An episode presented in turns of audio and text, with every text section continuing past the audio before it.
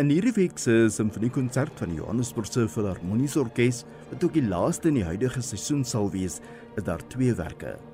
Brahms se klavierkonsert nommer 1 in D mineur en Tchaikovsky se simfonie nommer 1 in G mineur.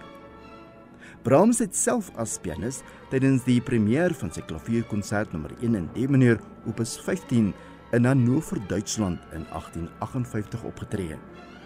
Nadat die jong komponis die Schumann-egpaar Robert en Clara ontmoet het, het hy met groot ywer aan die werk aandag gegee. Hulle sou dan ook later hegte en lewenslange vriende bly. Brahms het die werk eers as 'n twee-klaviersonate gekomponeer, maar later onder aanvoering van 'n vriend, Julius Otto Grimm, dit na 'n volle konserto vir klavier en orkes verander. Hy het nog verdere veranderinge aangebring, soos wat sy vriendskap met die Schumanns gegroei en hulle verder raad gegee het. Fransja de Toey, professor in klavierstudie aan die Universiteit van Kaapstad, sal as die solis optree in die uitvoering 'n donderdag aand van Brahms se klavierkonsert nommer 1 in D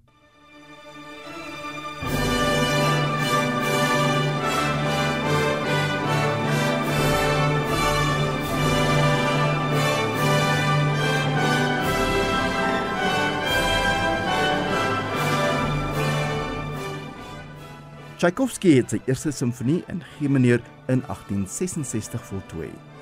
Hy was in daardie stadium professor aan die Moskouse Konservatorium. Dit het aan Tchaikovsky min tyd gebied om met groot erns na sy komposisies om te sien. Tog het hy 'n groot liefde vir die werk gehad en het dit as een van sy gunstelingwerke beskryf.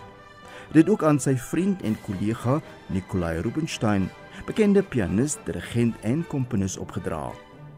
Alhoewel invloede van Beethoven, Schumann en Mendelssohn dikwels opgemerk word deur kenners, is hulle dit eens dat die eg Russiese klank van Tchaikovsky baie duideliker as enige ander invloed in die werk gehoor kan word.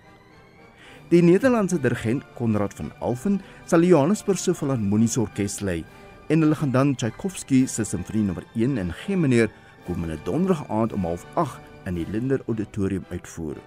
Kry jou kaartjies by Quicket.